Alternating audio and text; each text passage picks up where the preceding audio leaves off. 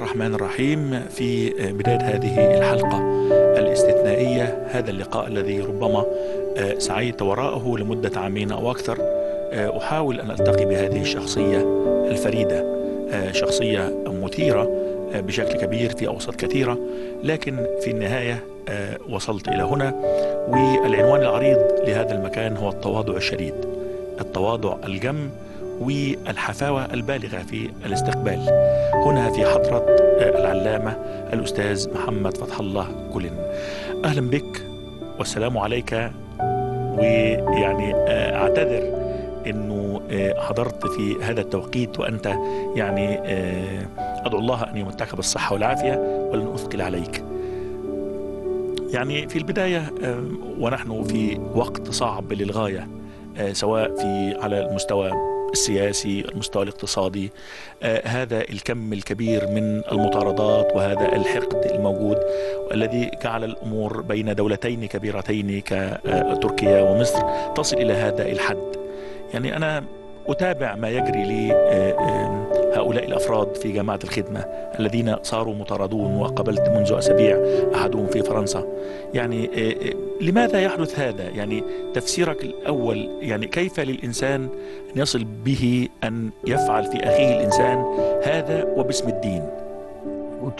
الحقيقة أنه لم يبلغني أن أي مسؤول مصري على أي مستوى كان أساء إلى الشعب التركي لكن لما وقعت الأحداث في مصر عام 2013 بادر رئيس الحكومة التركية في ذلك الوقت أردوغان إلى القول إن لكل فرعون موسى وأطلق على الرئيس المصري فرعونا قبل أن يطلع على شخصيته ويتعرف عليه كما ينبغي وهو ما أدى إلى تأزم العلاقات بين الطرفين. إن التغيير القائم على مبادئ وقيم معينة تحفظ أمن البلاد واستقرارها يختلف عن التغيير الذي يهدف إلى إحداث بلبلة وفوضى في البلاد.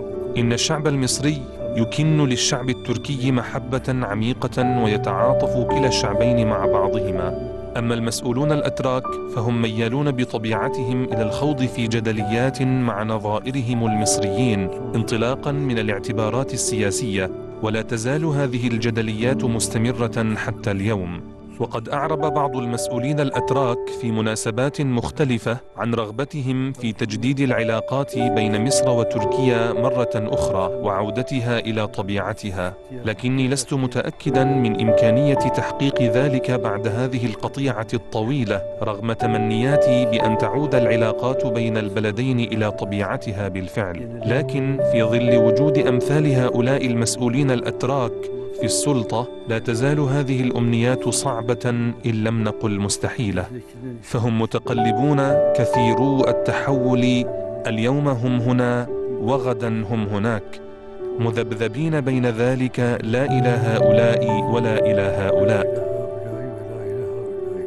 الأستاذ يعني أنا بسأل أفراد وأبناء حركة الخدمة مطاردون في كل دول العالم الآن وفي الداخل السجون بها الكثير والكثير من هؤلاء المظلومين وحتى النساء وحتى الأطفال ونتابع عن كثب هذا الأمر من الداخل التركي عبر كثير من المنصات.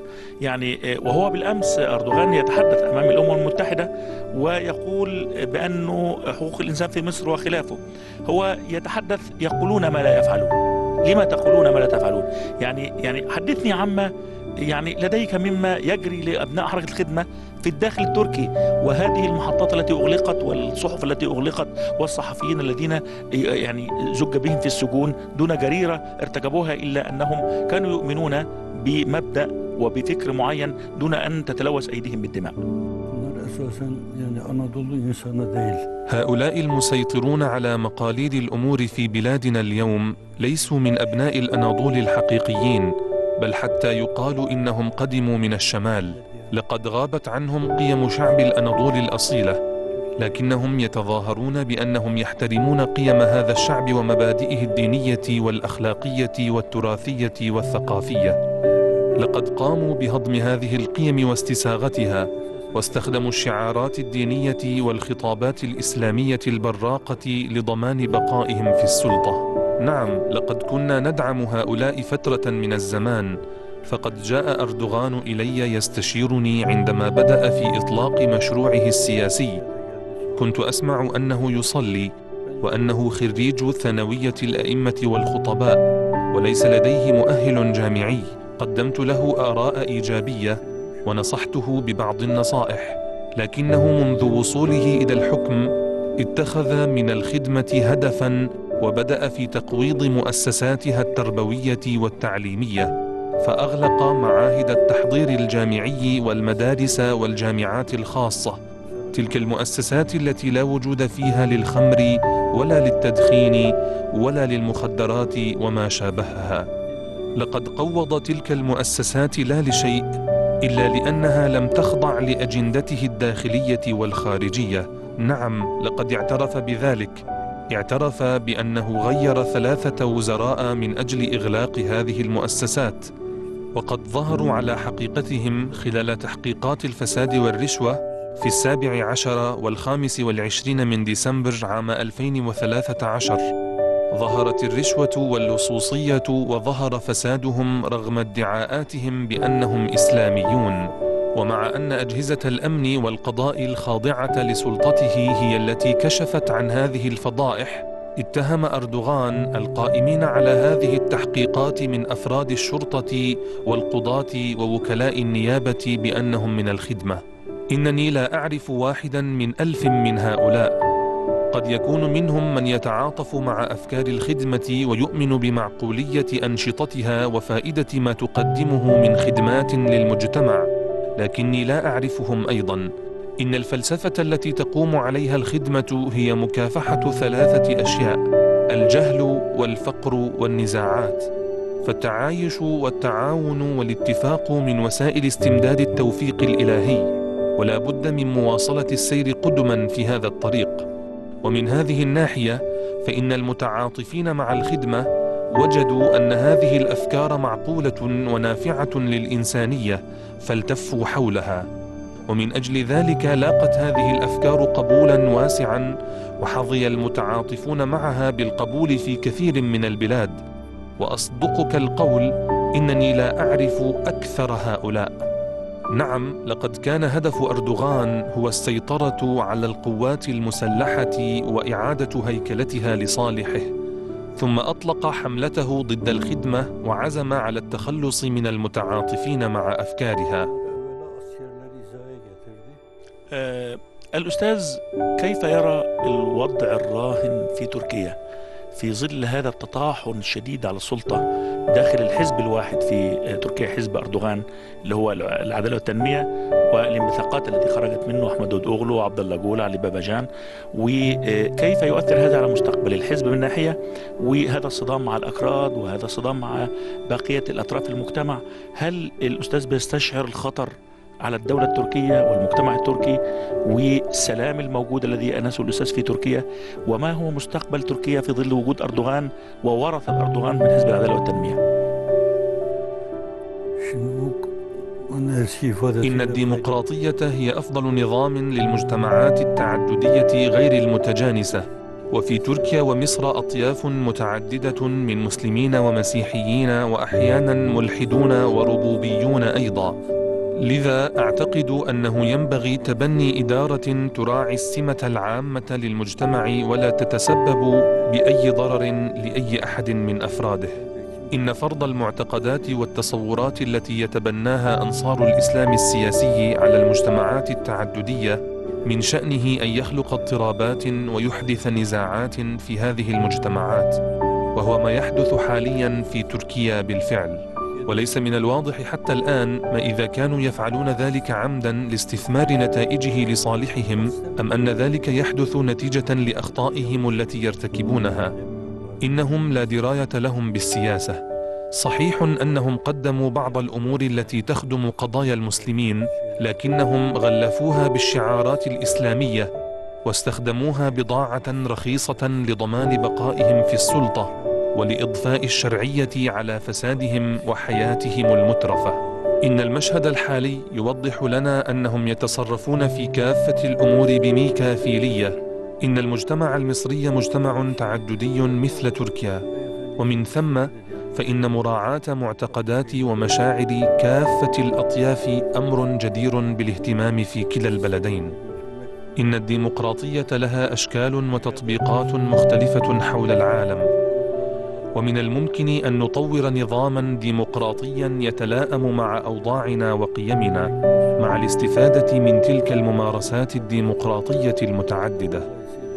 وإذا كان النظام في تركيا يريد أن يضع دستورا جديدا فعليه أن يضع دستورا يراعي وضع الأغلبية المسلمة ويحترم في الوقت ذاته معتقدات الآخرين وقيمهم. لو سألوني عن رأيي في ذلك لاقترحت على المسؤولين أن يستفيدوا من الدستور الأمريكي الذي يحترم كل الآراء والمعتقدات مع مراعاة حقوق المسلمين بصفة أساسية. يمكنهم أن يستفيدوا منه كما استفادوا في الماضي من الدستور الفرنسي. إن الدستور التركي الحالي لا يصلح لإدارة مجتمع مثل المجتمع التركي الذي يشتمل على أطياف وقوميات متنوعة. فبلادنا تشتمل على قوميات مختلفة من أتراك وأكراد وشركس ولاظ وعلويين وأطياف متعددة من مسلمين وربوبيين وملحدين وكماليين وغير ذلك. لا يمكن حمل أفراد مثل هذه المجتمعات التعددية على رأي واحد، بل يجب احترام مشاعر الجميع، لأن ما تنتظره من الآخرين ينتظرونه منك أيضا. وعليك أن تعامل الناس كما تحب أن يعاملوك. أسأل الشيء الأستاذ يعني يعني متى يزور مصر؟ إنني أتناول العلاج كل نصف ساعة. وقد خضعت لعملية جراحية قبل فترة وجيزة أدت إلى مضاعفات مختلفة. لذلك أعتقد أن ظروفي الصحية لا تسمح لي بالسفر. أدعو له بالشفاء وأطلب من الأستاذ يعني رسالة لأردوغان يحاججه بها أمام الله. إن أردوغان لا يصغي إلى أحد وبالذات إلينا نحن. فلديه أحكام مسبقة عنا. إنه يتهمنا بالإرهاب ويتهمني شخصيا بأنني رأس الإرهاب. وقد أصدروا ضدي أحكاما متعددة بالمؤبد. لذلك ليس لدي شيء أوجهه إليه. ولكن يمكن للبلدان الديمقراطية والدول الغربية ودول العالم الإسلامي أن تتخذ تجاهه موقفا موحدا للضغط عليه كي يتراجع عن استبداده. وأعتقد أن هذا هو السبيل الوحيد لكي تتوقف الفوضى والاضطرابات التي تشهدها تركيا حاليا. وهذا ما أخبرني به صديق محب للخدمة كان يشغل منصب وزير للخارجية في حكومة أردوغان من قبل. كلمة أخيرة أنا أثقلت على الأستاذ طبعا أنا عالم. يعني كلمة للشعب المصري. المسار الحالي يبدو لي جيدا لكنني أتابع من الخارج ولست في موقع يسمح لي بأن أتحدث عما يقع كمن يعاين الأحداث ويسجلها. أعتقد أن أردوغان ومن معه يستغلون السمعة التي ورثوها من تاريخ العثمانيين ليحدثوا بها تأثيرا في العالم الإسلامي. ومن المعلوم أن العثمانيين كان لهم تأثير في العالم الإسلامي في فترة تاريخية معينة. لكنني أعتقد أن مصر تستطيع أن تقدم نموذجا أفضل إذا حافظت على هذا الخط من الاعتدال والتوازن. وهي قادرة على ذلك بما تتمتع به من سمعة طيبة وشعب عريق يتمتع بذكاء عال.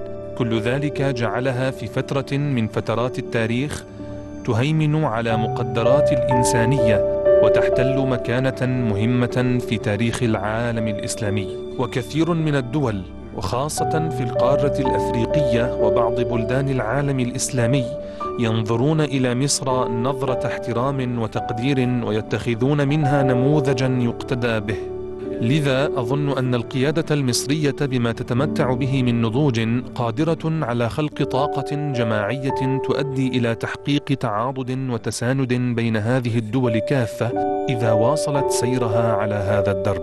Diğerleri içinde bu bir sinerji kaynağı olacaktır. الإرهاب بات يعني يعني يشوه صورة الإسلام.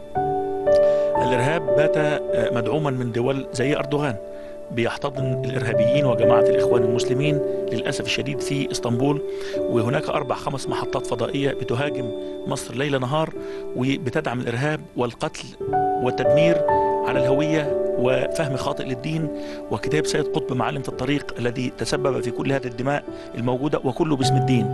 كيف ننقذ العالم من الإرهاب وكيف ننقي الدين مرة أخرى من هذه الشوائب وكيف نقول لهؤلاء اصمتوا فقد اساتم إلى الدين. أعتقد أن هذه الفوضى التي تعم العالم ستستمر ما لم ننجح في تأسيس نظام مثالي يستثير غبطة الإنسانية جمعاء.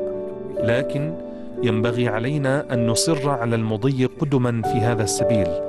أظن أن الشعب المصري الحبيب وكذلك الذين لم يفقدوا إنسانيتهم في تركيا قادرون على تحقيق ذلك إذا نجحوا في تحقيق التوازن والاعتدال على المستويين الفكري والعاطفي وأفلحوا في تشكيل نظام مثالي يحتذى به على مستوى العالم.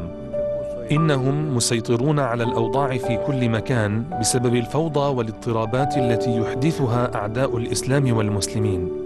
وإذا كان الغرب في القديم هو الذي كان يعادي المسلمين فإن إيران اليوم تتبنى عداوة غريبة للعالم السني وتقود عمليات سلبية ضد البلدان السنية.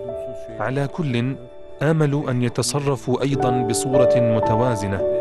وأن يتجنبوا الإساءة إلى قيمنا ورموزنا من أمثال سيدنا أبي بكر وعمر وعثمان رضي الله عنهم وعن سيدنا علي رضي الله عنه ألف ألف مرة.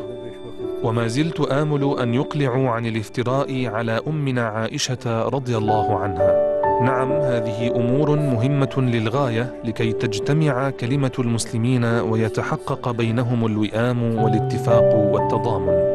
لقد كان الغرب وخاصة الأنجلوسكسونيين منهم يعادون العالم الإسلامي في القديم وذلك قبل أن يردد القائد الصليبي الذي احتل اسطنبول مقولته الشهيرة الآن انتهت الحروب الصليبية لكن المشهد المزري الراهن للمسلمين الذين ذاقوا مرارة هزائم متتالية منذ عدة قرون لا يبدو قابلا للإصلاح والتقويم دفعة واحدة. بل قد يحتاج إلى ثلاثة أجيال كي يستقيم أتمنى أن نبذل جهدنا لإصلاح أحوالنا وأوضاعنا في غضون هذه المدة. أنا آه، أتوجه إليك بالشكر وبالمحبة والتقدير وخالص دعواتي لك وللشعب التركي والناس التي تحمل قلوبا نظيفة في تركيا وأدعو الله أن يخلص تركيا من آه، هذه العناصر التي ذهبت بها إلى منطقة نائية عن آه، تركيا آه، الصحيحة.